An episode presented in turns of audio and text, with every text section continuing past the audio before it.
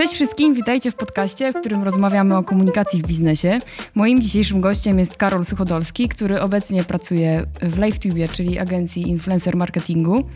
A w jego stopce mailowej widnieje magicznie, magiczne Senior Account Manager i Team Leader w sektorze gamingu. Senior Account Manager, co to właściwie oznacza i, i czym się zajmujesz? No to ja może zacznę, że powiem wszystkim dzień dobry, miło mi, że słuchacie nas. E, jeżeli chodzi o tą magiczną stopkę, no to zawsze tak jest, że, że te stopki potrafią być po prostu skomplikowane. Co tak naprawdę oznacza moja stopka? Pierwsza połowa, czyli ten senior account manager oznacza, że zarządzam, przynajmniej w przypadku jakby naszej branży, youtuberami, jak już trafnie zauważyłaś, z sektoru e, gamingowego, a także z sektoru e, nowych technologii. E, oznacza to też, że jestem seniorem, czyli mimo, że mój głos może mówić, że jestem starszy, stopka też. E, natomiast chodzi o to, że już pewien staż mam i zarządzam tym od dłuższego czasu.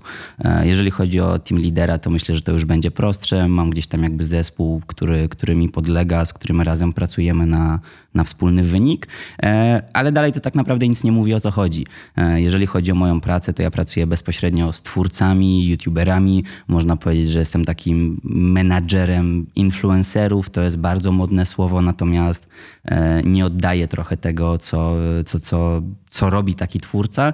No bo tłumacząc to na polski, no to to jest wpływowicz, czy, czy, czy wpływacz, czy, czy ktoś, kto po prostu e, ma jakiś wpływ na pewną grupę, pewną społeczność.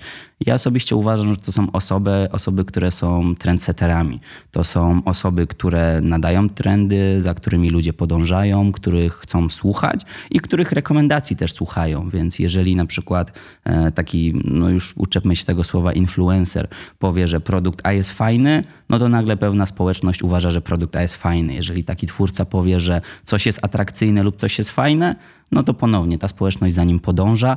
E, oczywiście w momencie, kiedy taki twórca jest autentyczny. Czyli w skrócie, czy można powiedzieć, że jesteś pośrednikiem między klientem LiveTube'a, często pewnie klientem, którego sam sobie musisz znaleźć, a twórcą? Jak najbardziej. Jestem w klasycznej sytuacji pomiędzy młotem a kowadłem, gdzie klient ma sztywne oczekiwania wobec pewnej kampanii, twórca ma swoją wizję i ja jestem tym middlemanem, który stara pogodzić się te dwa światy, więc jednocześnie e, potrafię się posługiwać korporacyjną nową mową i, i pójdę na, do klienta w koszuli, e, ślicznie odpicowany i gotowy walnąć pitch, zrobić jakiś presentation, sfokusować się, e, ale muszę też być gotowy, żeby po prostu dogadać się z twórcą e, jak ma finalnie wyglądać materiał. E, I z twórcą to też jest zupełnie inna komunikacja, no bo większość twórców nie pracowała czy, czy w korporacjach, czy, czy w marketingu i gdzieś tam jakby to doświadczenie z tym światem mają właśnie poprzez takich menadżerów jak ja.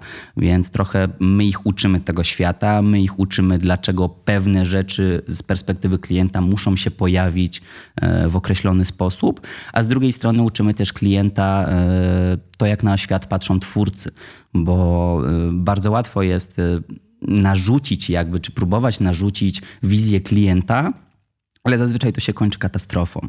E, chodzi o to, żeby na tyle połączyć te dwa światy, że i twórca jest zadowolony z, z tego, co wyprodukował dla marki, że tam jest jakaś wartość dodana dla widzów, bo nie oszukujmy się, tak naprawdę chcemy dotrzeć do widzów, chcemy dotrzeć do tych fanów, chcemy dotrzeć do tej społeczności twórcy, e, ale musimy jednocześnie pamiętać, że, mm, że musimy też zadbać o interesy klienta, który finalnie za to wszystko płaci lub daje tę wartość dodaną.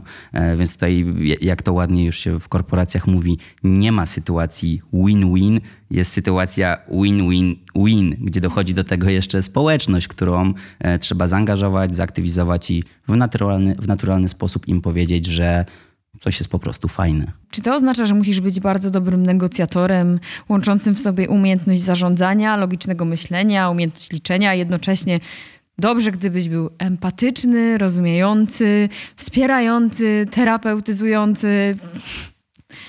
Dążę do tego. Jakie cechy są ci w pracy potrzebne, aby się dobrze wykonał?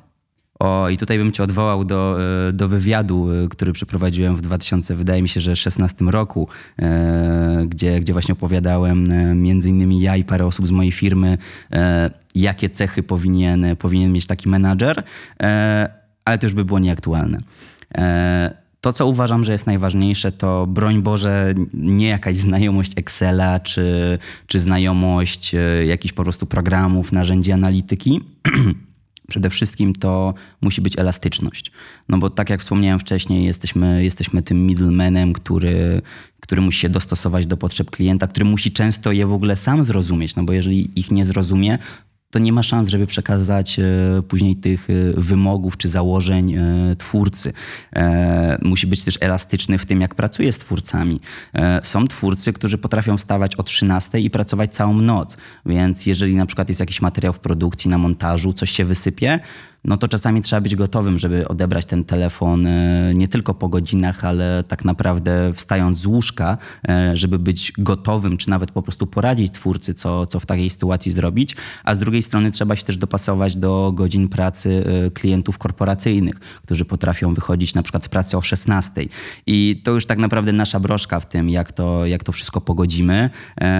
Natomiast finalnie to my musimy być najdłużej dostępni e, dla każdej ze stron. E, więc przede wszystkim to jest elastyczność. Powiedziałbym też, że może to nie jest konkretnie cecha, ale zrozumienie trendów. Jeżeli nie nadąża się za tym, co tworzą kanały, jeżeli nie nadąża się za tym, co, co się dzieje po prostu w polskim internecie, to bardzo trudno jest to jeden, że zrozumieć, ale drugie też później wyjaśnić klientowi. Bo jeżeli twórca mnie prosi o zrobienie czegoś, co jest albo teraz trendy, albo coś, co się działo na zachodzie, to ja muszę to po prostu wiedzieć. Jeżeli tego nie wiem, no to szansa na sensowne przekazanie tego klientowi i, i zrobienie jakby takiej wizji, że klienta też to zainteresuje, no zbliża się tak naprawdę do zera. E, żeby już trzymać się tej świętej trójki, to, to bym strzelił jeszcze, e, jeszcze jedną cechę. E, I wiem, że to może się wydawać nieoczywiste, ale powiedziałbym, że taka wytrwałość psychiczna. Bardzo często są projekty, na których albo właśnie zależy marce, albo zależy twórcy. I często tym bardziej zależy na tych projektach, tym trudniejsze są one do, do osiągnięcia. E, jeżeli twórca wymyślił super, naprawdę fajną koncepcję, ale której nie zrealizuje bez pomocy marki, no bo to się wiąże z kosztami, z jakimiś wyjazdami, e, wiąże się po prostu z pozyskaniem jakiegoś kontaktu, który jest no, poza naszym zasięgiem. E, no to nie można się poddawać. Nie można po prostu w pewnym momencie stwierdzić, nie wiem, po miesiącu, po kwartale, po pół roku, że to nie wyjdzie, tylko trzeba mieć cały czas ten pomysł tyłu głowy, trzeba cały czas o nim mówić głośno, komunikować, że, e, że naprawdę w ten pomysł się wierzy, że twórca wierzy w ten pomysł, że, że ty wierzysz w ten pomysł, aż wreszcie znajdzie się ktoś, kto będzie tym zainteresowany. E, I tak samo z perspektywy marki mamy e, dużo marek, które są, no bym powiedział, po prostu innowacyjne, jeśli chodzi o to, jak, jak chcą się komunikować. E, ale przez to, że są takie, powiedzmy kolokwialnie, hop do przodu, to, to nie każdy jakby chce, chce podjąć tej rękawicy. Ja uważam, że każdy pomysł e, ma szansę, każdy pomysł można na tyle zmodyfikować, żeby był dobry, no ale ponownie już odwołując do tej nadrzędnej dla mnie cechy, potrzebna jest elastyczność i trochę też zarażanie tą elastycznością i, i marki i twórców. Zapytałam Cię o to, ponieważ odnoszę wrażenie, że bardzo dużo osób znajduje się na tym stanowisku i moim zdaniem mały procent z nich jest we właściwym miejscu. I to nie o to chodzi, że te osoby nie są skrupulatne, obowiązkowe i tak dalej, ale że brakuje im podstawowej cechy umiejętności dobrej komunikacji z drugą stroną.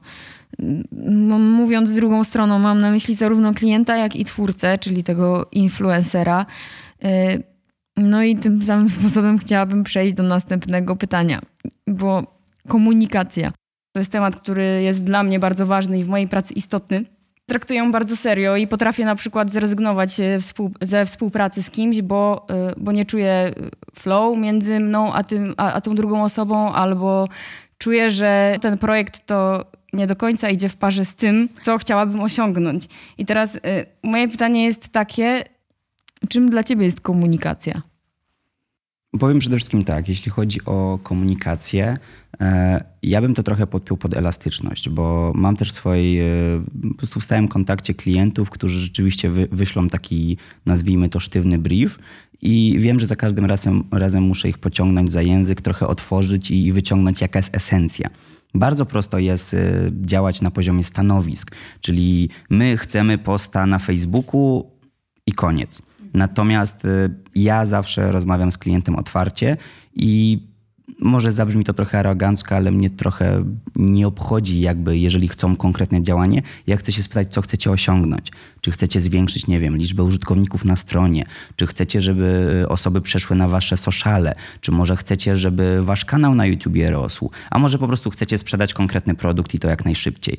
I jeżeli ja dostaję komunikat, że chcemy posta na Facebooku, i po takich pytaniach pomocniczych dalej dostaję komunikat, że, że chcemy posta na Facebooku, to ja po prostu wiem, że klient A albo nie wie tak naprawdę, czego chce, e, albo po prostu B nie jest gotowy na otwartą komunikację.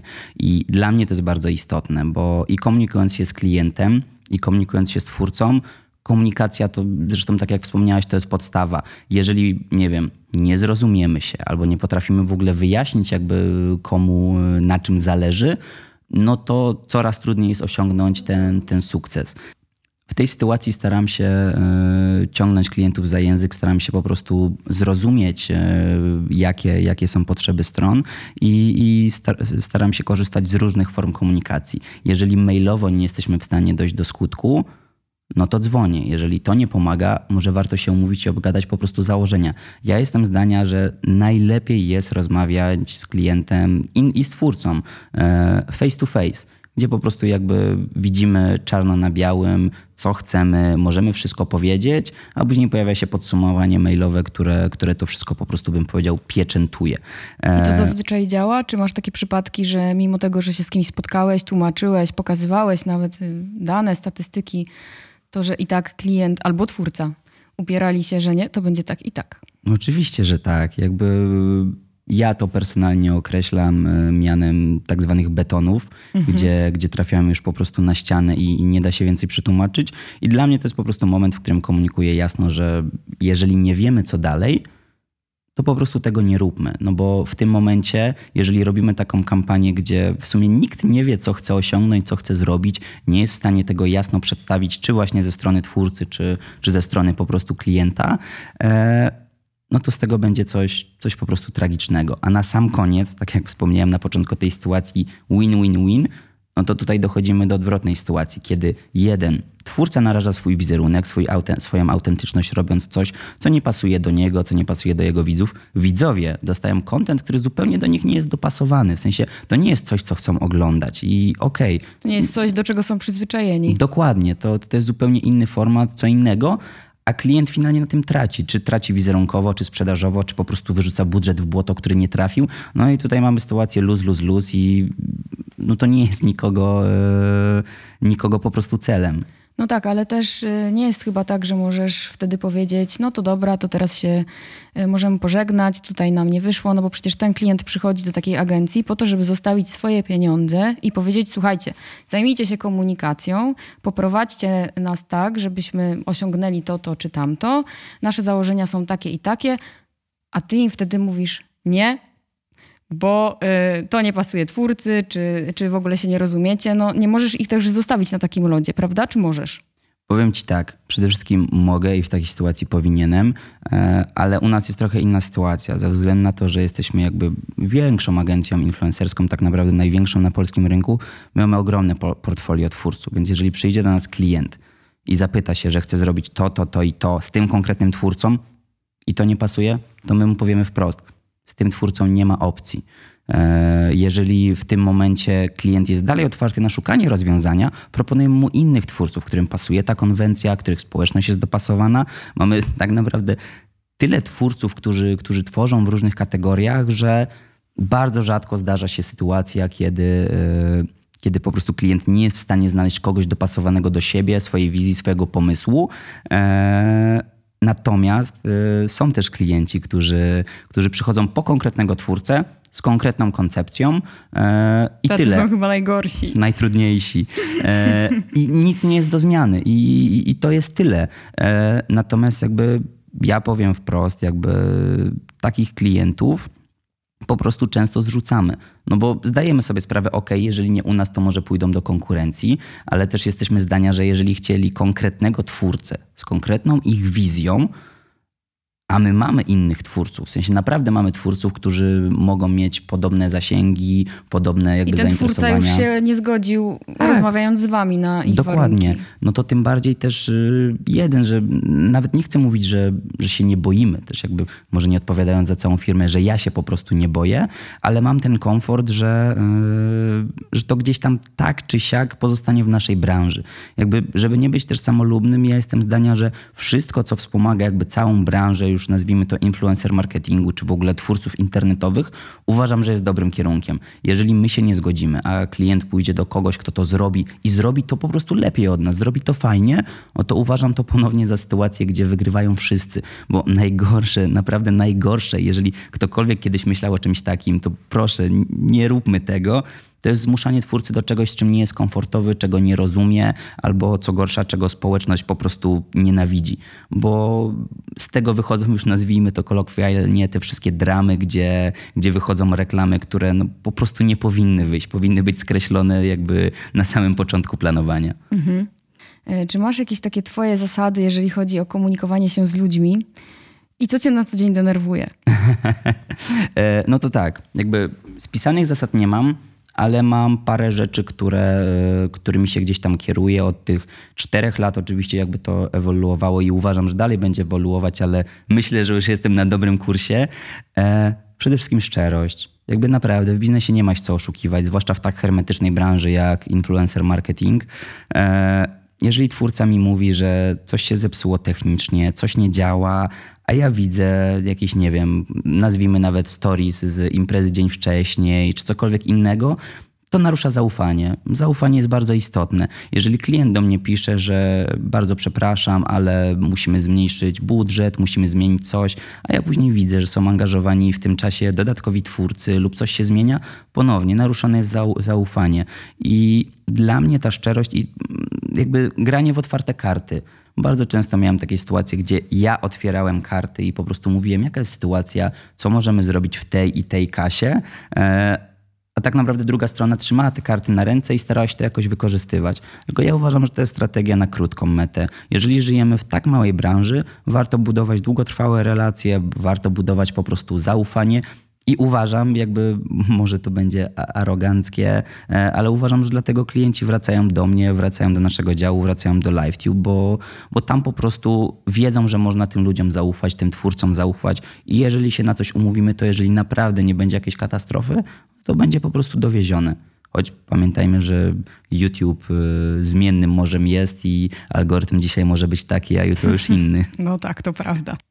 Czy jest taki typ ludzi, który cię obłędnie denerwuje i już wiesz, że przez najbliższe dwa miesiące będziesz miał ogromną charówę i to nie dlatego, że projekt jest trudny, ale człowiek jest trudny? Trudno tutaj wybrać jeden typ człowieka, ale na pewno denerwuje mnie parę rzeczy. Przede wszystkim brak poszanowania dla godzin pracy. Jakby wiadomo, że wszyscy gdzieś tam w idealnym świecie byliby w ciągłym kontakcie i dałoby się wymieniać bez żadnego stresu czy napinki, ale naprawdę, jeżeli coś może poczekać do kolejnego dnia, a bardzo często tak jest, że to nic nie zmieni w tym momencie, nie dzwońmy, nie, nie piszmy tych maili, nie dobijajmy się. E, Masz na myśli jakie godziny pracy? godziny pracy takie mniej więcej, jakie są wypracowane. Ja akurat mam w miarę elastyczne, ale jeżeli klient do mnie dzwoni o 22, żeby się zapytać, czy ten materiał, na który jutro się umówiliśmy, to jednak będzie, to po prostu jednak to potrafi być wybijające z rytmu. Jeżeli z kimś się umówiłem, że coś się pojawi o, o jakiejś godzinie i to się po prostu pojawia, to nie potrzebuję 5 minut wcześniej telefonu na weekendzie, żeby, że- żeby dostać zapytanie, czy to na pewno będzie. Tu, tu się trochę też odwołuję do, y, do, do tego zaufania. E, Natomiast to, co mnie najbardziej wybija z pracy, to jest brak przygotowania.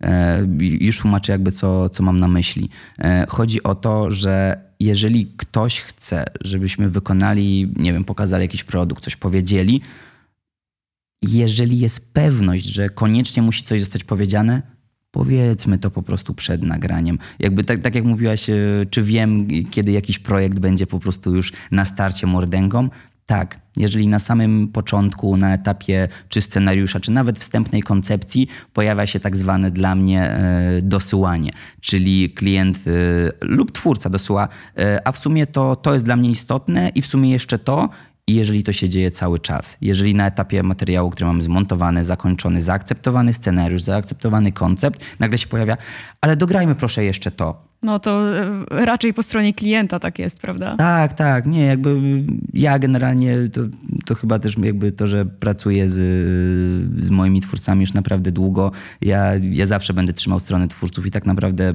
po to jest taki podmiot jak, jak LiveTube, żeby, żeby gdzieś tam jakby łączyć, łączyć te, te interesy. E, natomiast to wynika głównie z tego, że twórcy, jak już tworzą i działają, no to już znają mniej więcej rynek, wiedzą w czym się poruszać. A bardzo często pojawiają się nowi klienci, którzy nie znają tego rynku, chcą spróbować, gdzieś słyszeli od znajomego, przeczytali gdzieś w mediach, że o, ten influencer marketing to taki fajny, wchodzą w to be, bez żadnego przygotowania i zamiast, bym powiedział, dać sobie pomóc, czyli po prostu powiedzieć, jestem nowy, zaproponujcie, co możecie zrobić, co to dla mnie zrobi, czego mogę oczekiwać, wchodzą po prostu, bo ja chciałbym zrobić takiego vloga, który będzie wyglądał tak i tak i tak.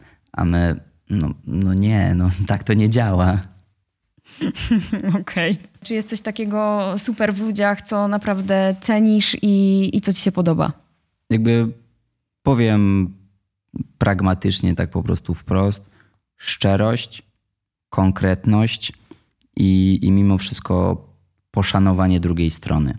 E, szybko wyjaśniam o co chodzi. Szczerość oczywiście, że, że, że przychodzi ktoś i, i, mówi jak jest, a nie stawia jakąś fasadę, za którą się e, kryje na przykład metoda na negocjacje, czy, czy metoda na cokolwiek innego, co chciałby uzyskać, dodatkowe świadczenia.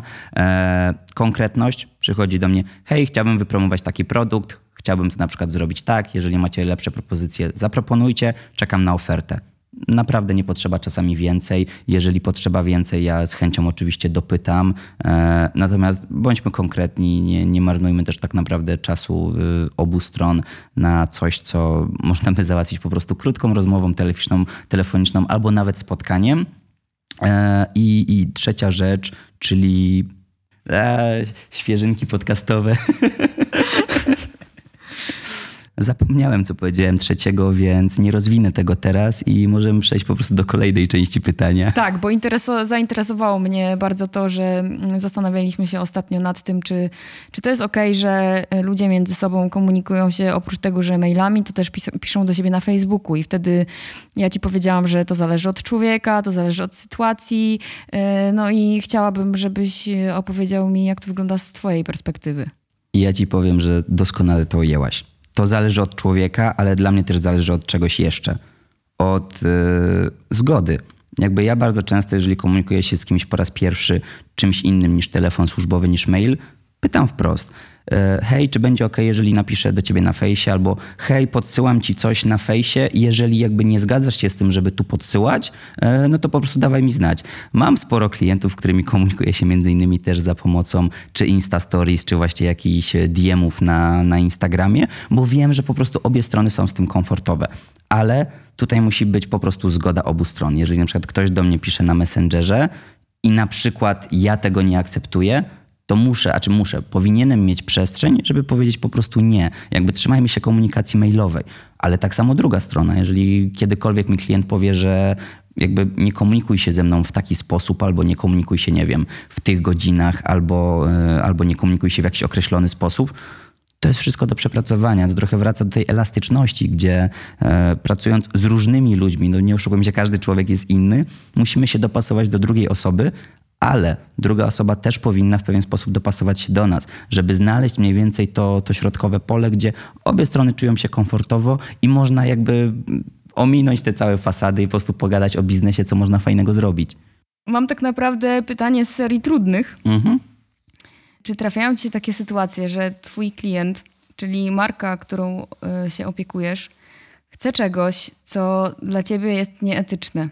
Nieetyczne prywatnie personalnie odczuwasz y, jakieś pewne działanie za, no, za niefajne. I mam tu na myśli coś takiego, że na przykład y, wiesz, że fragment sponsorowany powinien być oznaczony jako sponsorowany i że odbiorca powinien wiedzieć, że był przeznaczony na to jakiś budżet, a na przykład twój klient y, używa magicznego słowa, którego osobiście bardzo nie lubię i jest to naturalne pokazanie y, produktu i już wiesz, że po prostu to naturalne oznacza, że y, żeby coś ulokować za pieniądze, ale jednocześnie nie wspominać, że, że to jest fragment sponsorowany. To jest tylko przykład oczywiście, bo, bo można ich mnożyć, ale co, co wtedy robisz? Jeżeli uważasz, że nie, to nie jest do końca spoko. Wiesz co, tak próbuję sobie przypomnieć trochę taki, taki case, w którym rzeczywiście jakby poruszyłby mnie e, na tyle moralnie, żebym go zapamiętał. Nie jestem w stanie sobie czegoś takiego przypomnieć, natomiast jakby moją naturalną reakcją będzie trochę zgorszenie, e, trochę też próba dialogu z klientem, dlaczego, dlaczego wybieramy taką, a nie inną formę. E, natomiast tak jak mówię, no nie jestem sobie w stanie przypomnieć takiej sytuacji. Może jakbyś mnie pociągnęła za język, jakby, nie wiem, zapytała o jakieś może konkretne sytuacje, jakby co takiego mogłoby być nieetyczne, e, to myślę, że moglibyśmy rozwinąć temat. A co uważasz za nieetyczne? Wiesz co, Oczywiście poruszając się w twojej branży, bo mhm. dla mnie to jest taki, ten, ten przykład fragmentu sponsorowanego y, był pierwszym przykładem, który mi przyszedł do głowy, bo ja się często z tym spotykam. E, przypomniało mi się jakby, nie będę wymieniał jakby produktu nie, ani nie, klienta nie. z nazwy, bo, bo, bo nie o to bo chodzi, ale e, w pewnych e, wynikach naszej recenzji e, wyszły no po prostu bardzo nieprzychylne testy, y, bardzo nieprzychylne wyniki. I dostaliśmy prośbę, żeby te wyniki no po prostu zatuszować, usunąć je z, z finalnego materiału. I dla mnie to po prostu było jawne oszukiwanie widza. Jakby to nie jest tak, że nie wiem, zmienialiśmy wyniki, no bo takie coś to w ogóle byłby absurd, e, ale byliśmy poproszeni, żeby akurat część wyników e, usunąć z materiału. E, nie zgodziliśmy się na to. Nie byliśmy jakby w stanie po prostu no, z czystym sumieniem na to, na to się zgodzić. Finalnie materiał nie został opublikowany. My, my uzgodniliśmy jakby z klientem trochę inny, inny front działania. Nie uważasz, że wtedy twórca trochę został oszukany? Zgadzam się. Jakby twórca nie był w stanie opublikować tego, co było tak naprawdę prawdą. I jestem jak najbardziej w stanie zrozumieć frustrację twórcy w takim momencie. E, mieliśmy też, o to, to mi się e, bardzo, e, bardzo spodobało. Mieliśmy kiedyś taką sytuację, gdzie dostaliśmy produkt do dowolnej recenzji z, z racji po prostu tego, że produkt był kiepski, był naprawdę kiepski i kosztował naprawdę dużo. To zakładam, że zjadały koszty marketingu i, i, i tyle. E, od razu znaczy, że jakby to nie była płatna współpraca. E, natomiast e, zrobiliśmy tę recenzję po prostu jak chcieliśmy. Dostaliśmy prośbę o Wy w sensie twórcy albo twórca zrobił? Tak, tak, w sensie jakby y, ja, ja, ja plus twórca e, i dostaliśmy prośbę, żeby tego po prostu nie publikować. I, I, ja byłem trochę zszokowany, bo przesłałem im ten materiał jakby przed publikacją tak bardziej z kurtuazji, na zasadzie, że hej, to jest coś, co pojawi się na kanale. No natomiast finalnie ten materiał opublikowaliśmy w niezmienionej formie, ale mieliśmy z tego no, sporo problemów y, natury prawnej i, i, że tak powiem, po prostu A kto branżowej. ma wtedy problemy? Bo rozumiem, że twórca czuje się rozczarowany czy rozgoryczony, że ktoś w ogóle, y, że ta druga strona powiedziała nie, to nie publikujcie tego, mimo tego, że to była prawda, ale y, czy konsekwencje takich działań ponosisz ty jako, jako ta osoba, która się opiekuje marką, czy może twój szef, czy, czy klient, bo już rezygnujecie z niego i wykreślacie go z portfolio? Jak to mhm. wygląda? Prawda jest taka, że jakby ponownie do tego wrócę, że, że traci każdy. Jakby my tracimy jako firma, bo gdzieś tam jakby rozjeżdża się zupełnie kontakt z klientem przez no moim zdaniem trochę niezrozumienia środowiska przez klienta, no bo w takiej sytuacji naturalne jest to, że twórca publikuje co chce, w jakiej formie chce. E, twórca akurat w tej konkretnej sytuacji nie traci, no bo wrzuca obiektywny materiał. Jakby opieram się trochę na tym case'ie, który, e, który opowiadałem. No wiem, że to zabrzmi trochę e, karolocentrycznie, natomiast jakby najwięcej straciłem ja, po prostu bujając się z tym tematem, latając po prawnikach, próbując jakby na tyle zrobić skuteczną linię obrony, żeby twórca po prostu był kryty.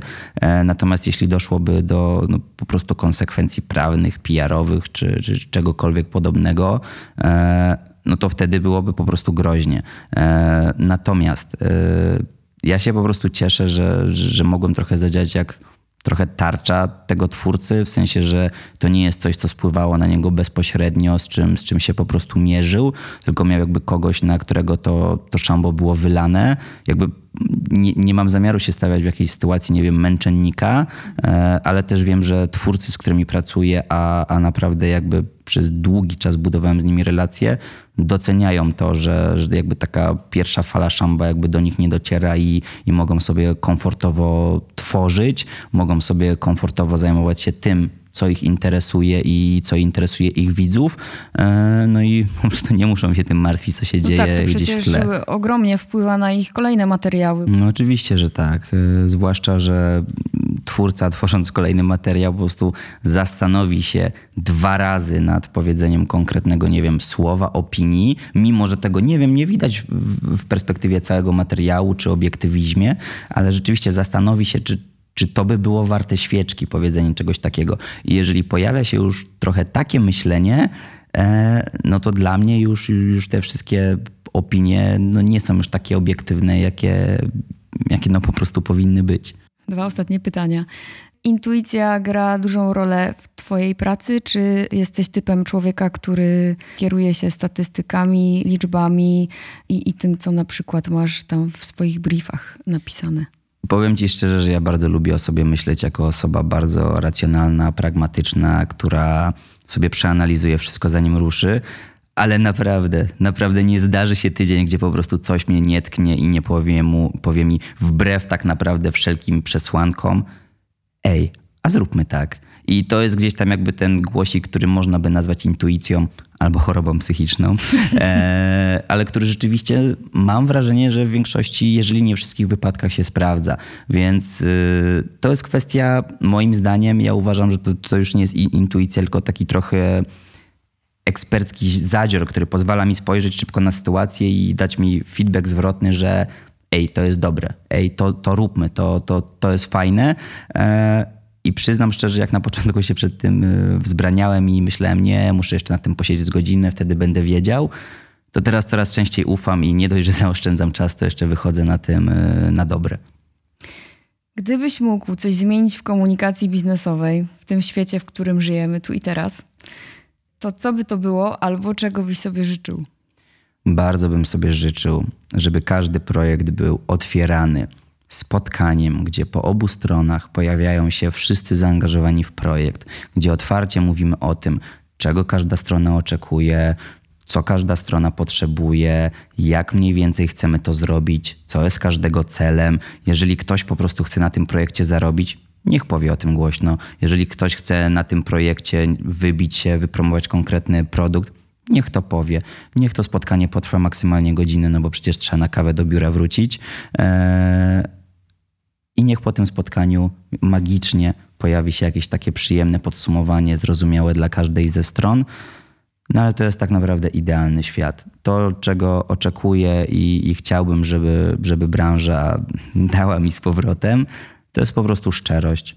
Mówmy sobie, jak jest. Nie udawajmy, że produkt jest super, kiedy jest wadliwy. Nie mówmy, że materiał twórcy jest super, kiedy widzimy, że, że naprawdę nie jest dobry i mógłby być lepszy. I mówmy sobie po prostu: Cześć, to mi się nie podoba, dlatego bo, a nie cześć, ja chcę posta na Facebooku.